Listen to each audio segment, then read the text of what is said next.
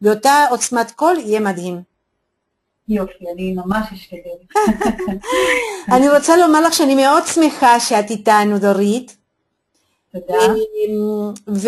וזהו, אני מעבירה לך את המיקרופון, שיהיה בהצלחה. תודה רבה. אנחנו מסיימים ב-13:50. כן, מצוין. להתראות. רק שאלה אחת. כן, בבקשה. אני רוצה לדעת אם לקראת סוף ההרצאה, אולי ב-13:40, יש אפשרות לקבל שאלות מהמאזינים? אם יש שאלות, ברשותך, אני אפריע לך אה, חמש דקות לפני הסוף, זה בסדר? אה. כן, יופי, יופי. להתראות בהצלחה. ואתם, קהל שלי, תהנו, תהנו. ביי ביי. אז שלום לכולם, צהריים טובים. אה, ברוכים הבאים אה, למפגש שעומד לעסוק אה, בסוד התשוקה כשער להתגברות על מצבי משבר. גרסיאלה פנתה אליי בעצם בתוך שלהי המבצע המלחמתי האחרון שהפגיש את כולנו עם הרבה מאוד כאב ועצב ורגשות מעורבים וכעס ותחושה ש, שקשה לרבים מבעלי העסקים, בעיקר בעלי העסקים הקטנים, שאנחנו העסק עצמו, אה, למצוא את האנרגיה ואת החשק, אה, להיות בתשומת לב ולהמשיך אה, לאהוב את העסק שלנו וליצור בתוכו.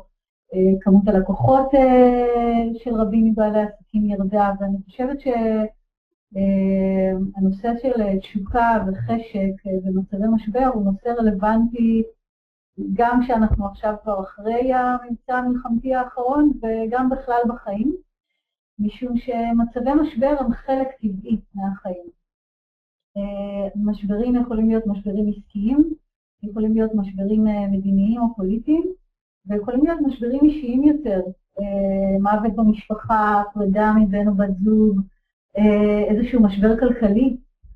בוא נאמר שהחיים רצופים בשינויים, ושינוי לא פעם מייצר טלטלה, וטלטלה לא פעם מעוררת בתוכנו רגשות פליליים, ואז עולה השאלה איך מתמודדים עם סך הרגשות השליליים, כשבעצם אנחנו רוצים להמשיך לחיות, להיות שמחים, להיות יצירתיים, איך מוצאים את הגשר הזה שבין אה, נסיבות חיים אה, אה, מטלטלות, לא נעימות, לא צפויות, מפתיעות, לבין הלהט אה, להמשיך אה, לחיות אה, בשמחה. זה בעצם, זה הנושא שאני עומדת לדבר עליו. בפתח הדברים אני אציג את עצמי בכמה מילים.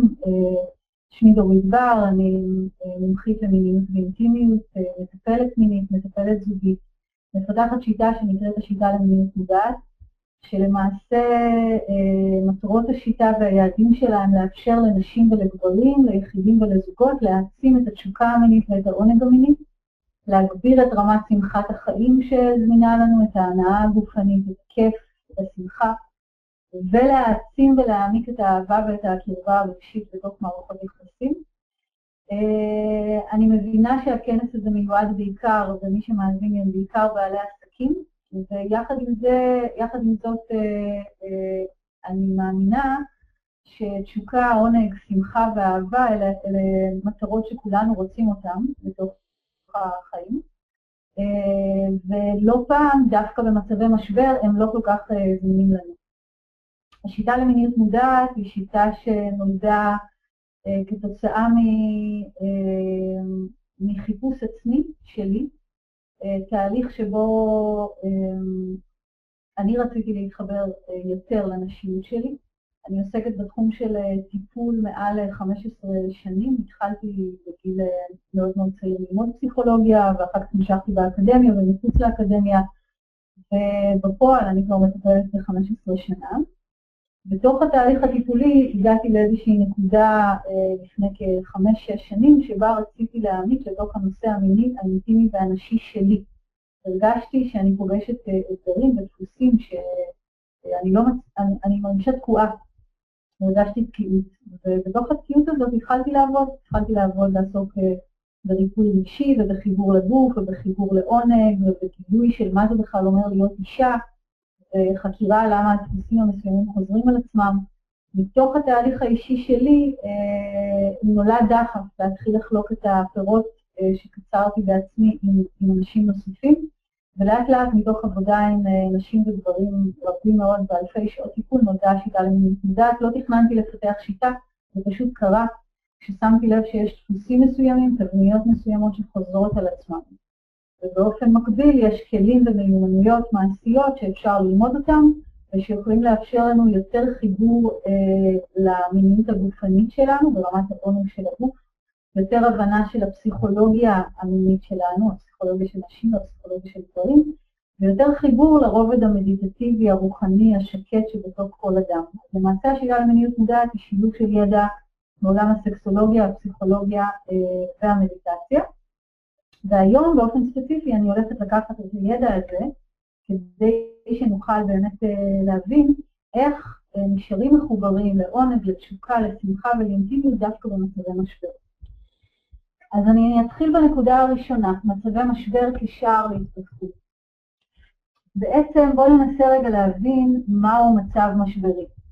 מצב משברי הוא מצב שבו אה, איזושהי מציאות, איזושהי שגרה מסוימת שהתרגלנו אליה, מופרעת על ידי, אה, בדרך כלל איזשהו אירוע חיצוני או פנימי, אוקיי? משהו משתנה. ברגע שמשהו משתנה אנחנו נדרשים אה, למציאה של כוחות מחודשים להתמודדות עם אותו עניין, מהצד האחד, ומהצד השני נדרשים להמשך תפקוד בחיים היומיומיים שלנו. ילדים, עבודה, עסק, אה, מי שעוסק בטיפול, הטיפול באנשים וכולי.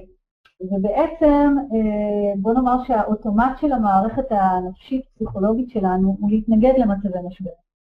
אה, אם תשימו לב, כשאנחנו מברכים ומאחלים ככה אה, עם חברים ובני משפחה, אנחנו, אחד האיחולים היפים הוא ניפגש רק בשמחות. כאילו שאם ניפגש במצב שהוא לא שמח, אז אנחנו לא כל כך רוצים את זה, בוא נאמר ככה.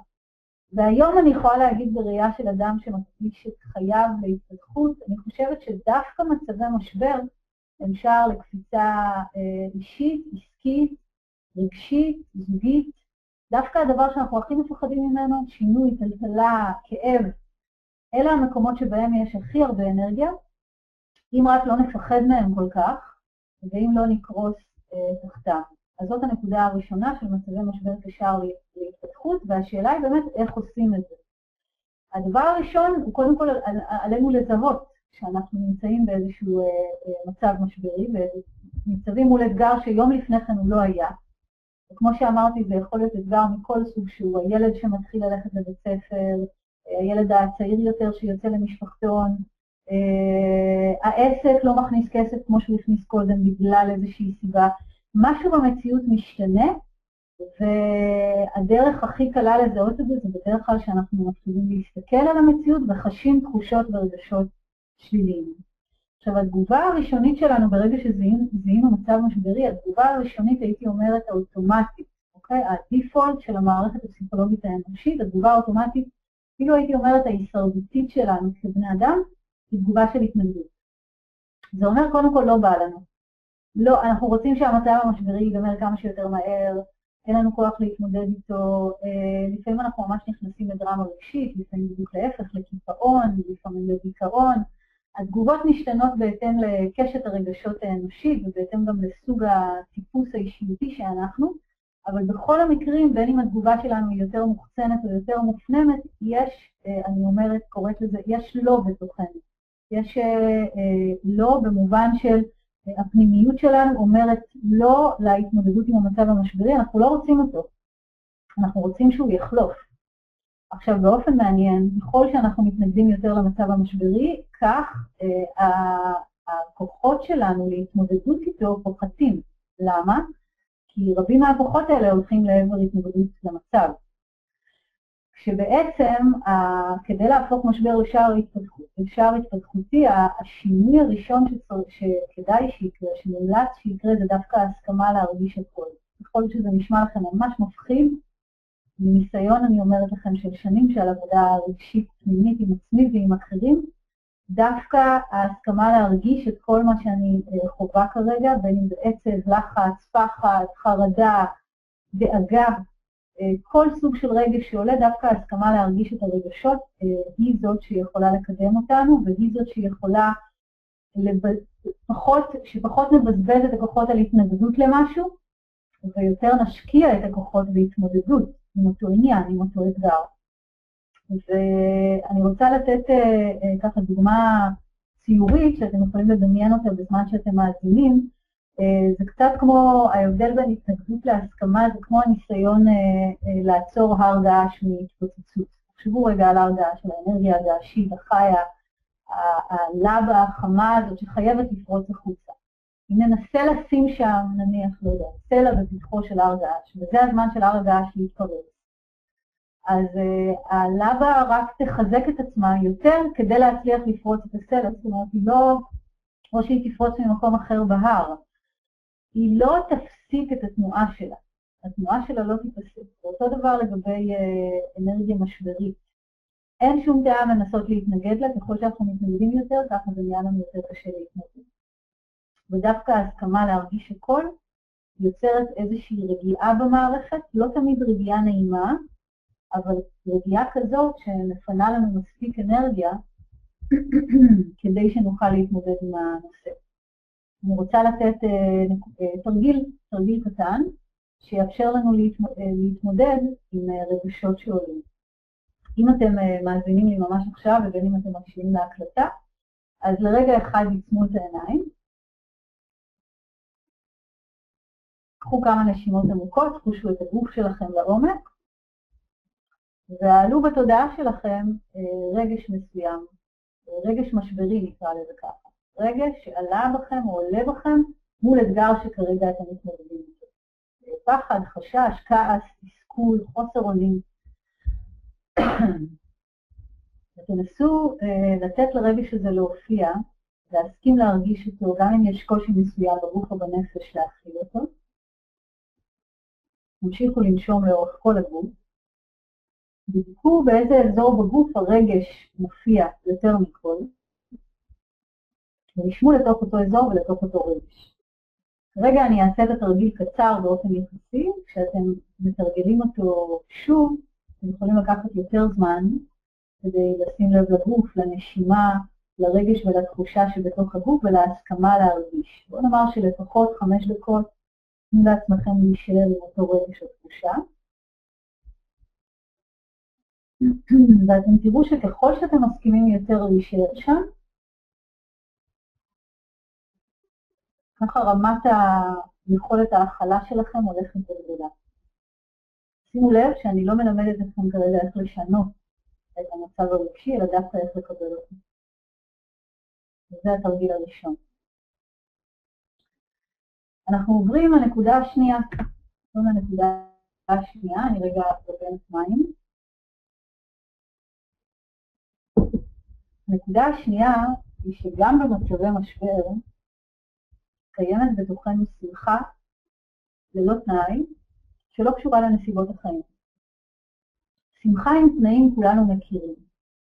אני רוצה לצאת לחופשה, אני צריך uh, זמן לעצמי, uh, אני אוהב לאכול גלידה, uh, אני אוהב סקס, uh, אני אוהב לטייל בטבע, כל העזרים החיצוניים האלה הם כמובן חשובים ומשמעותיים ואני בטח לא מציעה לוותר עליהם. אני רק מציעה לחפש, או לפחות להתבונן פנימה ולראות שישנה שמחה בתוכנו, שהיא לא תלויה באיזשהו אה, אה, עזר חיצוני. השמחה הזאת אה, זמינה לנו גם במצבי משבר, גם כשיש איזשהו אתגר שמטלטל את חיינו. כדי לפגוש אותה, אנחנו קודם כל צריכים להשתחרר מהאמונה שלא מקובל במצב של שמחה, סליחה, שלא מקובל במצב של משבר להיות בשמחה, ואני רוצה לספר כאן אה, סיפור קטן ואישי אה, אה, מחיי. אה, לפני כ-13 שנים אמא שלי נפגעה בתאונת דרכים ונהרגה במקום, אני הייתי בת 26, ו... זה סיפור אה, ששינה את חיי, אין שאלה בכלל. אה, בטח שיש בו כאב, ובטח שיש בו עצב, ובעיקר באותו יום שזה קרה, היה בו הפתעה מאוד מאוד מאוד גדולה, ממש שוק ותחושה ש... שאני צריכה לנשום עמוק בכלל כדי להצליח להכיל אותו, ובכי, וכל מה שאתם רק יכולים לדמיין. ואני זוכרת ש... המסע של הפרידה מאימא, מה שבטקס היהודי נהוג לקרוא לו השבעה, שבאמת המשפחה שלי ישבה שבעה, ואני ישבתי איתם בסגנון שלי, בואו נאמר ככה, בשבילי הייתה אירוע מלא שמחה. השמחה לא הייתה על זה שאימא לא כאן, ברור שלא. השמחה הייתה על אין סוף האהבה שהופיע שם בתוך שבעת הימים האלה. היו שם אה, דודות שלא הפסיקו לטפל בנו ולבשל לנו ולדאוג לנו, והיו שם חברים וחברות ואין סוף אנשים שהרעיפו אהבה על המשפחה, עליי, על אבא שלי, על האחים, ואני הרגשתי שאני עטופה באהבה. אני מרגישה שבימים האלה שזה קרה, נגעתי אולי בפעם הראשונה בחיים שלי, בשמחה שהיא ללא תנאי. כי בעצם נסיבות החיים היו מאוד מטלטלות, מאוד לא פשוטות להכלה. ויחד עם זאת, משהו בלב נשאר פתוח ליופי אה, שהופיע בתוך החיים. ומהניסיון שלי, אה, כמו בדוגמה הזאת, אני בטוחה שלכם יש את הדוגמאות שלכם, גם ברגעים הכי משבריים יש יופי. יש איזשהו יופי אנושי, איזושהי נתינה, אה, הפרחים בגינה עדיין פורחים, השמש עדיין שוקעת וזורחת, הילד שלכם עדיין מחבק אתכם בחום. יש תמיד תמיד יופי להוקיר עליו תודה בתוך החיים. וההסכמה אה, להיות בשמחה גם כשזה מורכב, גם כשנסיבות החיים הן לא נעימות, היא קודם כל הסכמה פנימית, שדורשת מאיתנו לשחרר איזה טאבו של אה, אם עכשיו יש אה, מלחמה או אם עכשיו יש לי משבר כלכלי בעסק, אז זה אומר שאני צריכה להיות כל הזמן עצובה ומדוכאת ודואגת. אני לא חושבת ככה, אני גם לא חושבת שזה עוזר לי להיות כל הזמן מדוכאת ועצובה. אני חושבת שדווקא כשאני מגלה אה, מציצה לתוך השמחה ללא תנאי שנמצאת בתוכי, ואני כבר אתן כמובן אה, כלים איך לעשות את זה, דווקא אז אני מתחילה להתחבר למאגרים של אנרגיה ויכולת ויצירתיות אה, וחיוניות שאני צריכה, שוב, כדי להתמודד עם המצב המשברי. כל מצב משברי דורש איזושהי התמודדות. לפעמים צריך יועץ, לפעמים זה עניין רפואי, אז צריך רופא, אה, ולא גם, לא כל מצב משברי, כמו למשל המוות של אמא שלי, הוא בר שינוי. לא יכולתי לשנות את המציאות. אבל שמתי לב שאני יכולה לבחור איך להתמודד עם המציאות. אני זוכרת שכשישבתי שם במשיבה עם המשפחה, אני חייכתי הרבה. זה לא היה, לא חשבתי על זה, זה פשוט הופיע אה, דרכי, החיוך, ההוקרת תודה הזאת לאנשים המקסימים שעשו אותנו באהבה, ולזכות הזאת להרגיש אה, כזאת אהבה. ואני, אין ספק שאני זוכרת גם אנשים שהעירו לי ואמרו לי, אה, אה, למה? למה אני מחייכת בתוך סיטואציה כל כך עצובה ואיך אני מרשה לעצמי? ואני ידעתי שכשהם שואלים את זה זה רק בגלל שלהם קשה כרגע. אז לא שפטתי אותם על זה, אבל ידעתי שמותר לי ברמה הפנימית, אני מרשה לעצמי להיות שמחה בכל נסיבות החיים. זה לא אומר שאני לא מתמודדת איתם. זה לא אומר שאני לא לוקחת אחריות על המצב שהיה, על העובדה שעכשיו המבנה המשפחתי השתנה ואני צריכה להתמודד עם זה. אז הדבר אה, הראשון שיאפשר לנו להיות בשמחה ללא תנאי, זה באמת קודם כל לשחרר את התפיסה שלא מקובל להיות בשמחה במצבים משתנים. ודבר שני, אה, לשחרר את האמונה שכדי להיות שמחים אנחנו צריכים שמציאות מסוימת תתגשם. למשל, רק אם העסק שלי יהיה ממש מוצלח, אני אהיה שמחה. הקישור הזה בין שמחה להישגים הוא לא הכרחי. זה לא אומר שהישגים עסקיים לא יגרמו לי לשמחה או הישגים אישיים, זה רק אומר שאני יכולה להיות שמחה בכל מצב. עכשיו, אה, אה, הכלי שאני רוצה לתת לכם, על מנת להתחבר לשמחה ללא תנאי, הוא הכלי של הוקרת תודה. זה התרגיל השני שאני רוצה לתת לכם היום. הכלי של הוקרת תודה אה, הוא כלי שבו אתם, שבו אתם יכול, שאתם יכולים להשתמש בו אה, דקות כל יום, תחליטו אתם מתי, זה יכול להיות חמש דקות כשאתם קמים בבוקר, זה יכול להיות חמש דקות לפני השינה, או באיזשהו זמן אחר במהלך היום. חמש דקות זה לא הרבה זמן, כל אחד יכול למצוא חמש דקות של הוקרת תודה. הוקרת תודה לעצמנו על הדברים הטובים, שתמיד יש על מה להודות. הוקרת תודה לחיים עצמם, על עצם זה שאנחנו חיים, על זה שיש נשימה באפינו. אה, הוקרת תודה אה, לאהובים שלנו, אם אנחנו בזוגיות, תמיד טוב להכיר תודה לבן זוג, ואם אפשר לבן או בת זוג, אז תמיד טוב גם לעשות את זה בפניו, ולא רק בינינו לבין עצמנו, ולהביע כלפיו מילים של אהבה והערכה והוקרת תודה. אתם לא מדמיינים, או אולי אתם כן מדמיינים, מה זה עושה ללב. מה שזה עושה ללב זה לשמח אותו, זה פותח אותו, זה מרחיב אותו וזה ממלא אותו באנרגיית חיים שמאפשרת אה, אחר כך אה, פעולה יותר אה, זורמת ויותר אה, חיונית בתוך החיים. אז שמחה יכולה להיות בתוכנו גם לצד אה, משבר.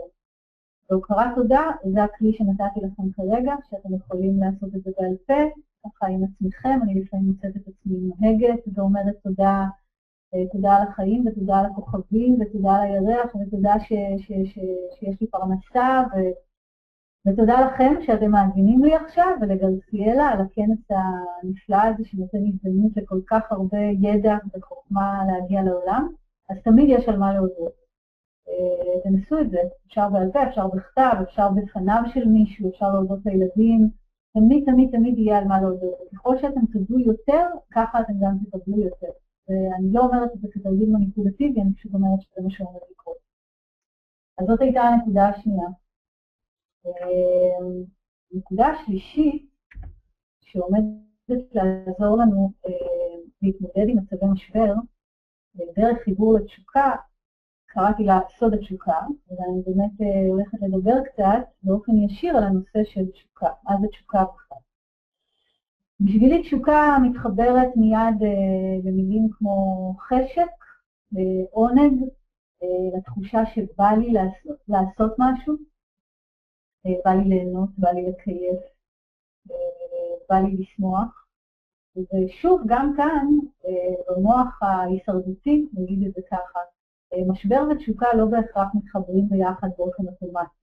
זה לא, זה לא דבר שקורה אה, מיד. אחת הסיבות לזה שתשוקה ומשבר לא תמיד מתחברים ביחד הן מסיבות מאוד טובות. כי ברגע שאדם חווה משבר, שינוי, טלטלה, אותה מערכת הישרדותית שהזכרתי אותה כמה פעמים, אה, מעבירה מסר למוח שעכשיו צריך לייצב את חוויית החיים. זאת אומרת, אפילו אם נניח, אה, אני, אני שמתי לב לזה לנושא של יסוד התשוקה ולקשר שבין תשוקה למשבר בסדנאות האחרונות שהעברתי, אה, תוך כדי תקופת המלחמה. תוך כדי תקופת המלחמה היו אצלי סדנאות לזוגות ולנשים, נשים שהגיעו שבוע אחרי שבוע, ופתאום המלחמה תפסה אותנו באמצע והסדנה נמשכה. וראיתי, ראיתי את האנשים באים במצב רוח ירוד, אה, מאוד מודאגים, מנסים לחפש דרכים שבהם הם יכולים לעזור, אה, למי שזקוק להם, לילדים, לבני המשפחה, או בכלל אה, לחיילים שהיו זקוקים לכל אה, טיפה של אהבה וסליחה. והייתי צריכה לעבוד קשה כמנחה כדי להאיר את התשוקה ברגע שהדאגה, מה שנקרא, מאפילה ויוצרת מין סוג של מיסוך. כאילו לרגע אחד, או לא כאילו, אנחנו לא רואים את כל היופי שבחיים, אנחנו לא רואים אה, את זה שגם במצב הזה אה, לגוף יש חשקים ורצונות, ואנרגיית החיים נמצאת שם, משום שכרגע המשקפיים שנמצאות על העיניים שלנו הן משקפיים בעיקר של דאגה. דאגה על כל צורותיה. זה יכול להיות דאגה, זה יכול להיות חרדה, זה יכול להיות חוויה של כאב, קושי לישון בלילה. שוב, אה, התגובות הספציפיות הן משתנות, אבל המהות היא אותה מהות. לזמן מסוים החיים נראים אה, שחורים, נגיד את זה ככה. ואז השאלה היא, איך מחליפים משקפיים מבלי אה, להתעלם מהמציאות? כי יש מציאות משברית שצריך להתמודד איתה. איך מחליפים את המשקפיים האלה? קודם כל, אה, זה עניין מאוד פרקטי.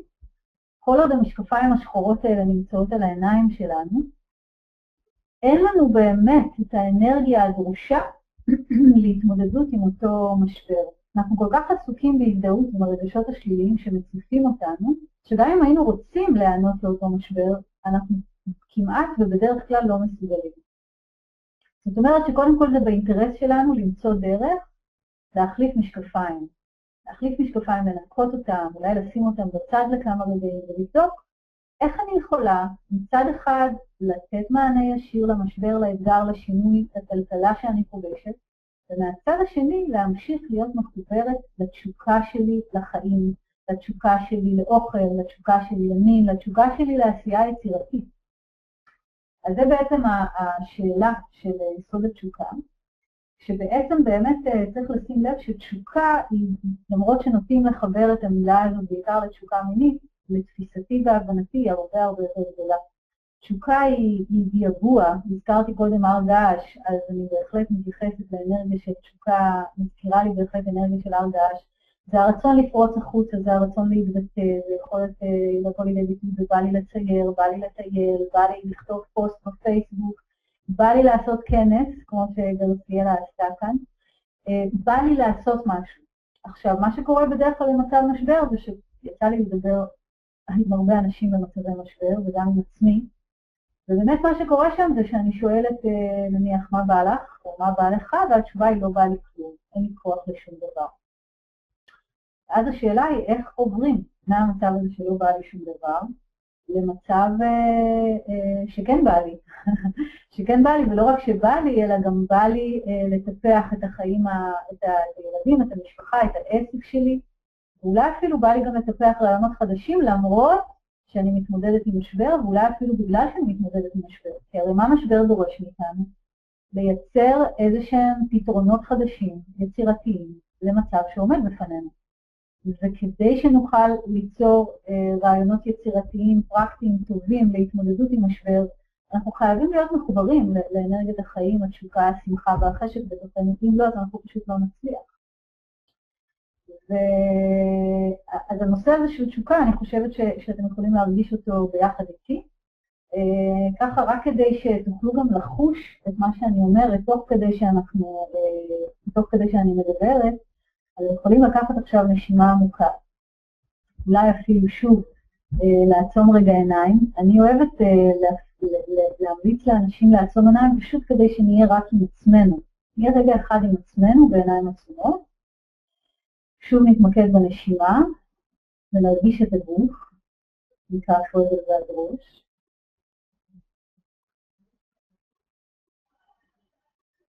ונפנה את תשומת הלב למערכת המין שלנו.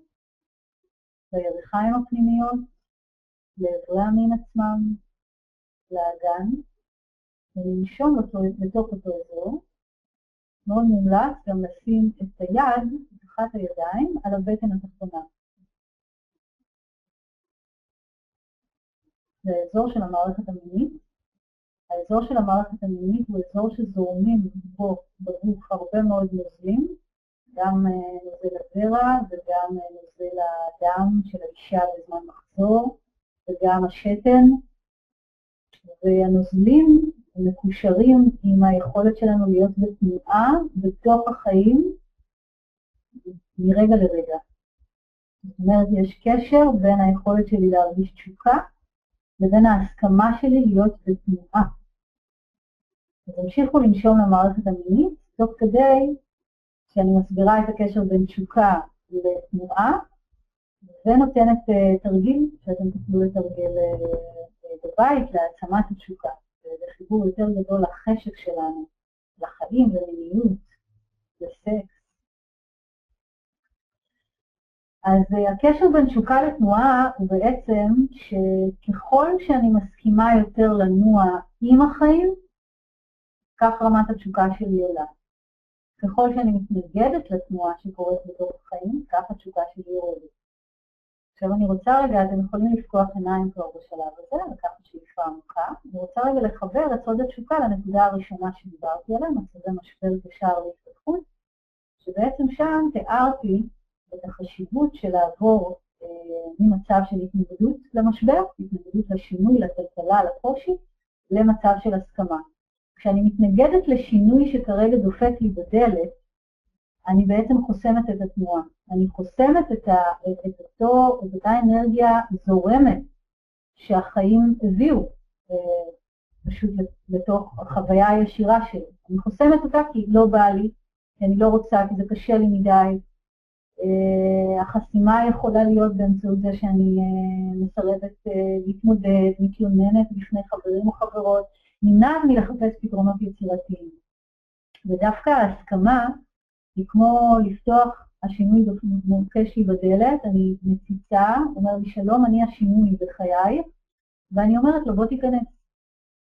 למה? כי אני מבינה שדווקא כשאני אתן לו להיכנס, א', אני אוכל להתחבר לכוחות מחודשים בתוכי, ב', אני בעצם אסכים לנוע עם החיים, וג', רמת התשוקה שלי לחיים דווקא תעלה. ובמובן הזה באמת מצבים משבריים יכולים להיות דווקא שער, כמו שאמרתי קודם, ליותר התפתחות ויותר שמחה, כמה שזה נשמע מוזר, אוקיי? החוויה שתיארתי קודם של הפרידה מאימא הייתה החוויה, אחת המכוננות ביותר בחיי, שינתה את חיי לחלוטין, פתחה בפניי את עולם הרוח, למדתי עד אז רק פסיכולוגיה, ואז התחלתי לתרגיל מדיטציה ולהתפתח לתורות שונות בפילוסופיות הרוחניות, וכמה שזה נשמע אה, פרדוקסלי, אחד האירועים הקשים ביותר שהתמודדתי איתם אה, הוא, הוא אחד האירועים שאני מודה עליהם יותר מכל. אז אה, סוד התשוקה בעצם קשור להסכמה להמשיך לחשוק בדברים גם בתקופות משבריות. איך עושים את זה? הנה התרגיל שאני רוצה לתת לכם. אה, אני קוראת לתרגיל הזה מחברת, אה, מחברת בלי, מחברת החשקים שלי. מחברת החשקים שלי יכולה להיות איזשהו פנקס שאתם רוכשים לעצמכם או משתמשים באיזשהו פנקס קיים. וכותבים אה, פעם ביום במשך אה, חמש עד עשר דקות, עשר דקות אפילו עדיף, את כל מה שבא לכם. עכשיו, הדברים שבא לכם לא חייבים להיות קשורים אה, למציאות, המדובר בכתיבה אסוציאטיבית חופשית, אף אחד לא קורא את זה, זה רק בשבילכם. אה, למשל, אם נניח עכשיו אני כותבת במחברת בא לי, אז אני יכולה לכתוב אה, אה, בא לי להרצות בפני אלף איש על מיניות מודעת, ובא לי... אמ, להיות עכשיו בתאילנד על חוף הים ולשתות איזה קוקטייל כיפי. ככל שהתיאורים של החשקים שלכם היו יותר ציוריים, יותר תחושתיים, יותר רגשיים, יותר חווייתיים, ככה כתיבה כזאת תשחרר בתוך הגוף שלכם אה, חומרים, ממש ברמה הכימית, הורמונית, אה, שיאפשרו לכם למצוא את החשק להתמודד עם המשבר אה, שאיתו אתם מתמודדים, להמשיך להשקיע במשפחה, בעסק, ובזוגיות. אז מחברת בעלי, למי שפחות מרגיש שהוא מחובר לכתיבה, וגם למי שכן השתמש בתרגיל של הכתיבה, דבר נוסף שמאוד חשוב לעשות זה כן לשים לב מה בא לי לעשות גם בתקופות של משבר. זה אומר שכאן נכנסים, נכנסות כל ההנאות הקטנות של החיים. זה יכול להיות אוכל שאנחנו אוהבים לאכול, זה יכול להיות יציאה לטבע, לדבר עם חברה, אה, להתלטף, להתחבק, אנחנו נדבר על זה בנקודה מספר 4, על הנושא של מגע כדרך להתמודד עם מצבי משבר, עוד שנייה. מה שחשוב זה להמשיך לעשות דברים שבא לנו, גם מה שנקרא כשאין מצב רוח או אין חשק. כי אם האוכל בא תיאבון, שזה אומר שדווקא ככל שאנחנו נסכים אה, להיענות לחשקים שלנו, באופן מעניין יהיה לנו יותר חשק לעשות עוד דברים, אוקיי? אז אה, זה סוד התשוקה והתנועה, ואנחנו עוברים אה, לנקודה הרביעית.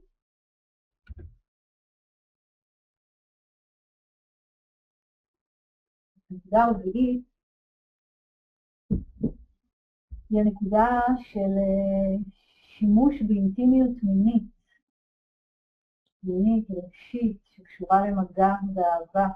בתוך מערכות יחסים וגם עם עצמנו. אני לגמרי הולכת להתייחס בנקודה הזאת גם לאנשים שנמצאים בתוך מערכת יחסים וגם למי שלא. אה, אינטימיות היא מנת, יכולה להיות מנת חלקם של כולנו, בין אם אנחנו כרגע בתוך יחסים ובין אם לאו. אינטימיות ומגע אה, הם, הם דרך נהדרת אה, להתמודד עם מצבים משבריים להתחבר אה, ליותר אנרגיה של אהבה וקבלה ותחושה שאנחנו אהובים, אה, גם כשלא קל לנו, גם כשאנחנו אה, מרגישים שעוברים עלינו ימים ממש קשים. כל מה שזה דורש מאיתנו זה פשוט לגשת או לבן בת זוג או לעצמנו, לאט לאט אני אתאר את כל האופציות, ולהעניק מגע אחד לשני, לבקש מגע, זה יכול להיות uh, לבקש חיבוק, וזה יכול להיות לתת חיבוק, וזה יכול להיות פשוט לשכב במיטה ולהניח את הראש על הבטן שלו, על הבטן שלה, אז זה יכולת להניח את הראש על הכתף ואולי לשתף במה שאנחנו חשים. אה, כמו שאתם מבינים, בשלב הראשון אני מדברת קודם כל על אינטימיות אה, ומגע שהם לא בהכרח מיניים, אלא על עצם המגע עצמו, מגע אוהב, שזמין לכל אדם, ולמי שלא נמצא בזוגיות, ברור שיכול לתת את המגע הזה לעצמו. אפשר ללטף את עצמנו במקלחת, ואפשר ללטף את עצמנו כשאנחנו, נניח, נשים מורחות איזשהו קרם על הגוף, ואפשר ללטף את עצמנו לפני השינה, וללטף את עצמנו אני לא מתכוונת לאוננות דווקא, למרות שזה רעיון לא רע בכלל, אבל על זה אני אדבר עוד כמה רגעים. אני לא מדברת בהכרח על מגע מיני, אלא פשוט על מגע אוהב. ללטף את כל הגוף, ללטף את הידיים והזרועות והבטן והפנים והירכיים, וגם את אזורי המין, וגם את כפות הרגליים. אה, ברור שמגע אוהב, אפשר גם לגשת ולטפל במגע, דווקא במקרה הזה, אני, אני, כמובן שטיפולים מקצועיים במגע הם נהדרים, וגם כן דרך נהדרת להתמודדות עם המשבר, אבל אני דווקא רוצה לדבר על דברים שאנחנו יכולים לעשות לבד, בבית, אה, בעצמנו, ובעצם מה שמגע מעניק לנו, הוא אה, אה, נותן לנו את היכולת אה, לתרגל הרפאיה ורגיעה דרך הגוף. אוקיי? בחלקים הקודמים אני יותר דיברתי על אה, להתחבר לתשוקה ולשמחה אה, דרך מרכיבים אה, יותר של הנפש או של הרוח. וכאן, דרך מגע, אנחנו יכולים להתחבר אה, לרובד של שמחה וקבלה ויופי וכיף וצחוק, פשוט דרך הגוף עצמו. בסופו של דבר זה בכלל לא משנה בני כמה אנחנו. התרגיל הזה יכול להיות טוב בכל גיל, אפילו לילדים. אנחנו אוהבים מגע, ומגע הוא מרפא. כשאנחנו מסכימים וכשאנחנו מנחים את מי שנוגע בנו לגעת בנו בצורה שאנחנו אוהבים ושהיא נעימה לנו. אז uh, כמו שאמרתי, מגע הוא מרגיע, מגע הוא מחבר, מגע ותקשורת אינטימית כמובן שמחזקים את הקשר הזוגי, שלא פעם נפגענו כתוצאה ממצבי משבר. לא פעם אנשים מספרים לי, אני חווה דיכאון, uh, קשה לי בעבודה כרגע, מה זה עושה לזוגיות? ריחוק. והריחוק הזה הוא לא הכרחי, הוא רק, שוב, כמו שאמרתי, נובע מאיזושהי, מכל מיני רבדים אה, הישרדותיים שלנו, אה, שחוששים להיראות בחולשה שלהם, שחוששים לבקש עזרה, שחוששים לבקש מגע, אה, שחוששים שאם יהיה מגע אז אולי זה יוביל למשהו שאני לא בדיוק רוצה, כל מיני דברים, מחשבות ואמונות שמונעים מאיתנו את הנתינה הכי טבעית, הנתינה של אינטימיות דרך מגע. עכשיו אני רוצה אה, לדבר על עוד מרכיב אחד בתוך הנושא הזה של מגע, שיעזור לנו להבין על איזה סוג של מגע אני מדברת אה, כשאני רוצה לדבר על אינטימיות מינית דווקא, וגם כאן היא יכולה לקרות בינינו לבין עצמנו או בינינו לבין אה, בן בת זוג, כדרך להתמודדות עם מצבי משבר, אוקיי? מצבי משבר, כמו שאמרנו, בדרך כלל מאירים בתוכנו הרבה אה, רגשות שליליים. ולכן השער למגע בגוף שלנו, אה, כדי לחבר אותו מחדש לחשק, לכיף, לצחוק, המגע המומלץ, אה, שוב, מניסיוני ולשיטתי, הוא המגע הנקבי יותר. תסתכלו בחלק התחתון של השקט, מיניות נקבית היא מיניות יותר גלית, יותר זורמת, אין לה נקודת התחלה או נקודת סוף. אה, לעומת המיניות הזכרית שהיא מיניות יותר אה, מכוונת מטרה. שימו לב שמיניות זכרית יש אותה גם לנשים וגם לגברים, מיניות נקבית יש אותה גם לנשים וגם לגברים, ולכן אני לא קוראת לזה מיניות נשית או גברית. אבל האנרגיה הזכרית במהותה היא אנרגיה שיותר נעה לעבר מטרה.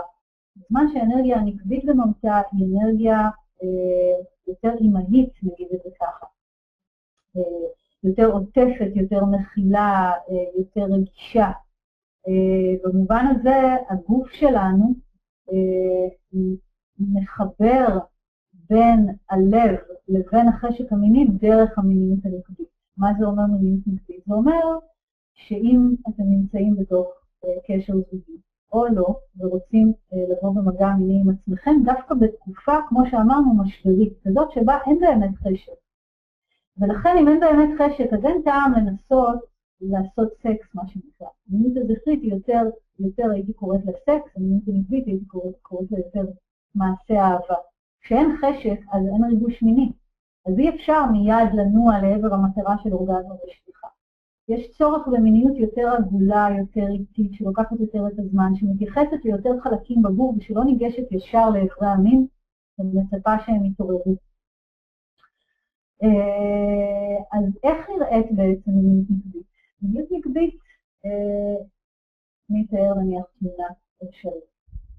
אני שוכבת במיטה, אם זה המקום שאני אוהבת, עם בן או בת הזוג שלי. יכול להיות שלפני כן, בשביל השעשוע והעצמת השמחה, אני אולי אפילו מזמינה אותו או אותה להתקלח איתי ביחד. שוב, גם שם זה לא חייב להיות מיני, אבל זה יכול להיות שובב, כי אפשר להשפריץ מים אחד על השני, ואפשר לפנק ולסבן אחד את השני, ואת כל מה שאני אומרת אפשר גם לעשות לבד עם עצמנו. אה, ואז אנחנו יוצאים מהמקלחת, ובמיטה אנחנו לא יודעים מה יקרה, אנחנו לא יודעים אם בהכרח יהיה לי מספיק ריגוש מינים בגוף בשביל סקס. אבל מה שבטוח בא לי, ובא לי להיות אהובה. בא לי להיות אהובה דרך הגוף. עבר על היום קשה, כמו שאמרנו, אני מתמודדת עם איזשהו משבר שכרגע נכנס לתוך החיים שלי. ואני זקוקה לכוחות, ואני זקוקה גם לכוחות שיבואו מתוך מגע, מתוך הקשר האינטימי זוגי שבו אני נמצאת, או הקשר שלי עם עצמי. ואז אני מתחילה לשכב ליד אותו אדם שאני אוהבת, ושאוהב אותי. ואני מבקשת שהמגע לא יהיה ישירות באיבר המין, כרגע. אני מבקשת אולי עיסוי, אם זה מה שאני אוהבת, אני מבקשת ליטוף. אולי אני מבקשת רק לשים עליו את הראש. זה הכל כאן, אני נותנת הרבה דוגמאות, ברור לכם שכדי שמיניות נקבית תוכל אה, אה, להתבטא דרככם, אתם צריכים להיות שם בהקשבה וברגיעה. ברור שאני מציעה להיכנס למיטה בעירום מלא, אם לא ציינתי את זה, ברור. אה, פשוט כדי לאפשר את החשיפה הטוטאלית הזאת אחד לפני השני, וכן, אני מציעה שגם יישאר אור בחדר, לא אור חזק מדי, איזשהו אור עדין שיאפשר לקשר עין לקרות, ויאפשר לתקשורת לקרות, ויאפשר לנו לצאת מאיזשהו מוד טכני של סקס לעבר תבנית יותר פתוחה, זורמת, עגולה, קשובה, אחד לגוף של השני. וככל שאני אתן אתמסר יותר למגע העדין הזה, יש סיכוי גדול שחשק מיני אה, יתעורר בתוך הגוף, ויכול להיות שמשם אני רוצה לנוע יותר לעבר מיניות זכרית, מטרתית, ואולי לחברות אורגזמה. וייתכן גם שלא, וגם לזה צריך להיות פתוחים, וגם לדבר על זה בצורה פתוחה עם אה, בן או בת הזוג. יכול להיות שאפילו שיש עירום, ואולי אפילו המגע יגיע לאיברי המין, לא בטוח שאני בכלל ארצה שתהיה חדירה, או שתהיה אורגזמה, או שתהיה אומנות, יכול להיות שכל מה שאני עושה זה לישון בעירום חבקים במיטה. והמתנה הזאת של אה, פיזיות, אינטימיות גופנית, אינטימיות מינית, שאין בה לחץ ללכת לאיזושהי מטרה, היא מרפאת, היא מבינה, היא ממלאת את הגוף בשמחה. פשוט תעקבו אחרי זה, תראו עם איזה אנרגיה קמתם יום למחרת בבוקר. זה לא אומר שלמיניות הזכרית אין מקום. אם בא לכם וזה ברצונם של שני הצדדים, זה כיף. מה שאני רק אמרתי זה שדווקא המיניות הנקבית יותר דרושה בתקופות משבריות, בתקופות שבהן כל המערכת הרגשית היא לא מכוונת כל כך לעבר עונג, אלא היא יותר מכוונת לעבר התמודדות עם שינוי או טלטלה. אוקיי? אז אה, רגע לפני שאני מקווה שאני אשמע אה, שאלות מכם, אני רוצה לסכם את ההרצאה.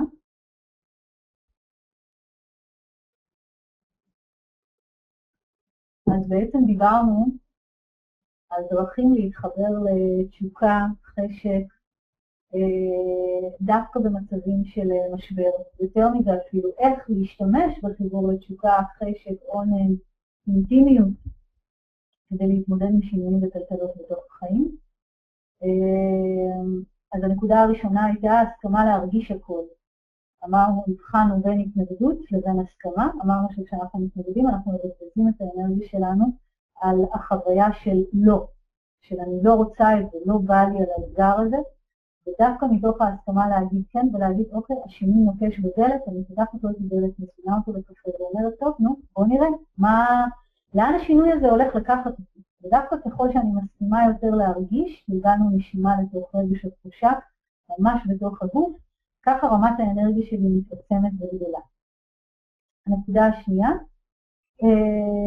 שמחה ללא תנאי על ידי הוקרת תודה. בעצם ציינו שבכל רגע בחיים, גם ברגע שהוא מרגיש הכי קשה בהכלה והתמודדות, תמיד מתחת לפני הדברים ישנה שמחה ללא תנאי. שמחה על עצם חוויית החיים, שמחה על זה שאני בריאה, שמחה על זה שהילדים שלי לצידי, שמחה על זה שהשמש זורחת היום. ודרך הוקרת תודה אה, לחיים, לעצמנו, למי שנמצא בזוגיות של בן זוג, אנחנו למעשה מתחברים לאנרגיית הלב, לאנרגיה של האהבה, ומתוך אהבה גם בוקעת שמחה, מתוך שמחה בוקעת אהבה, זה הכל הולך אה, ביחד. הנקודה השלישית, סוד התשוקה. אמרנו שבאמת מה שנפגם בדרך כלל במצבי המשבר זה החשק לעשות משהו, גם החשק המיני, אבל גם בכלל החשק היצירתי, החשק אה, אה, לעשות דברים שבא לי לעשות, ובעצם סוד התשוקה הוא בתנועה, דווקא בהסכמה לנוע מדבר לדבר, כן לבדוק עם עצמי, למשל דרך כתיבה, דיברנו על תרגול של מחברת בא לי, מחברת החשקים, מה בא לי לעשות, זה לא אומר שצריך אחר כך לעשות את כל מה שכתבת במחברת, לא, זה רק אומר שעצם הכתיבה ועצם היכולת שלי לבוא במגע עם מה שבא לי, יעורר בי את התשוקה. יעורר בי את התשוקה ויאפשר לי להתחבר ליותר אה, שמחה, ובסופו של דבר ליותר תנועה ויכולת להתמודדות עם המשבר. והנקודה הרביעית והאחרונה, הנקודה של אינטימיות אה, דיברנו קודם כל על מגע שהוא לא בהכרח מיני, מגע מלטף, שאנחנו להעניק לעצמנו או לבן בת זוג ואפילו גם לילדים, מגע חם, מגע אוהב, מגע אימהי, מגע אבאי, ויש את הרובד כמובן המיני שהוא יותר מתאים למערכות יחסים, או למגע שלנו עם עצמנו. ודיברתי על ההבדל בין מגע נקבי, מגע זכרי, מגע זכרי נע לעבר מטרה, מגע נקבי הוא מגע מעגלי יותר. ובאמצעות מגע מעגלי אני בעצם מחברת את הגוף עצמו לחוויה של ריפוי, יציבות, קבלה, אהבה, אה, חום. אז אה, זאת בעצם הייתה ההרצאה שלי. אה, הדבר האחרון שאני רוצה להציג בפניכם זה את המתנה של המדריך לסודות המיניות המדעת, שאני מאמינה שדרציאלה תשלח לכם במייל, אפשרות להירשם למדריך. אני מזמינה אתכם גם להכיר אותי בפייסבוק, בדף שלי, דורית בר מדף, וכמובן ליצור קשר לכל מי שמתעניין בהרצאות, סדנאות, בכיף גדול, וכרגע אני מאוד אשמח לדעת אם יש איזה שהן שאלות מהמאזינים. זהו.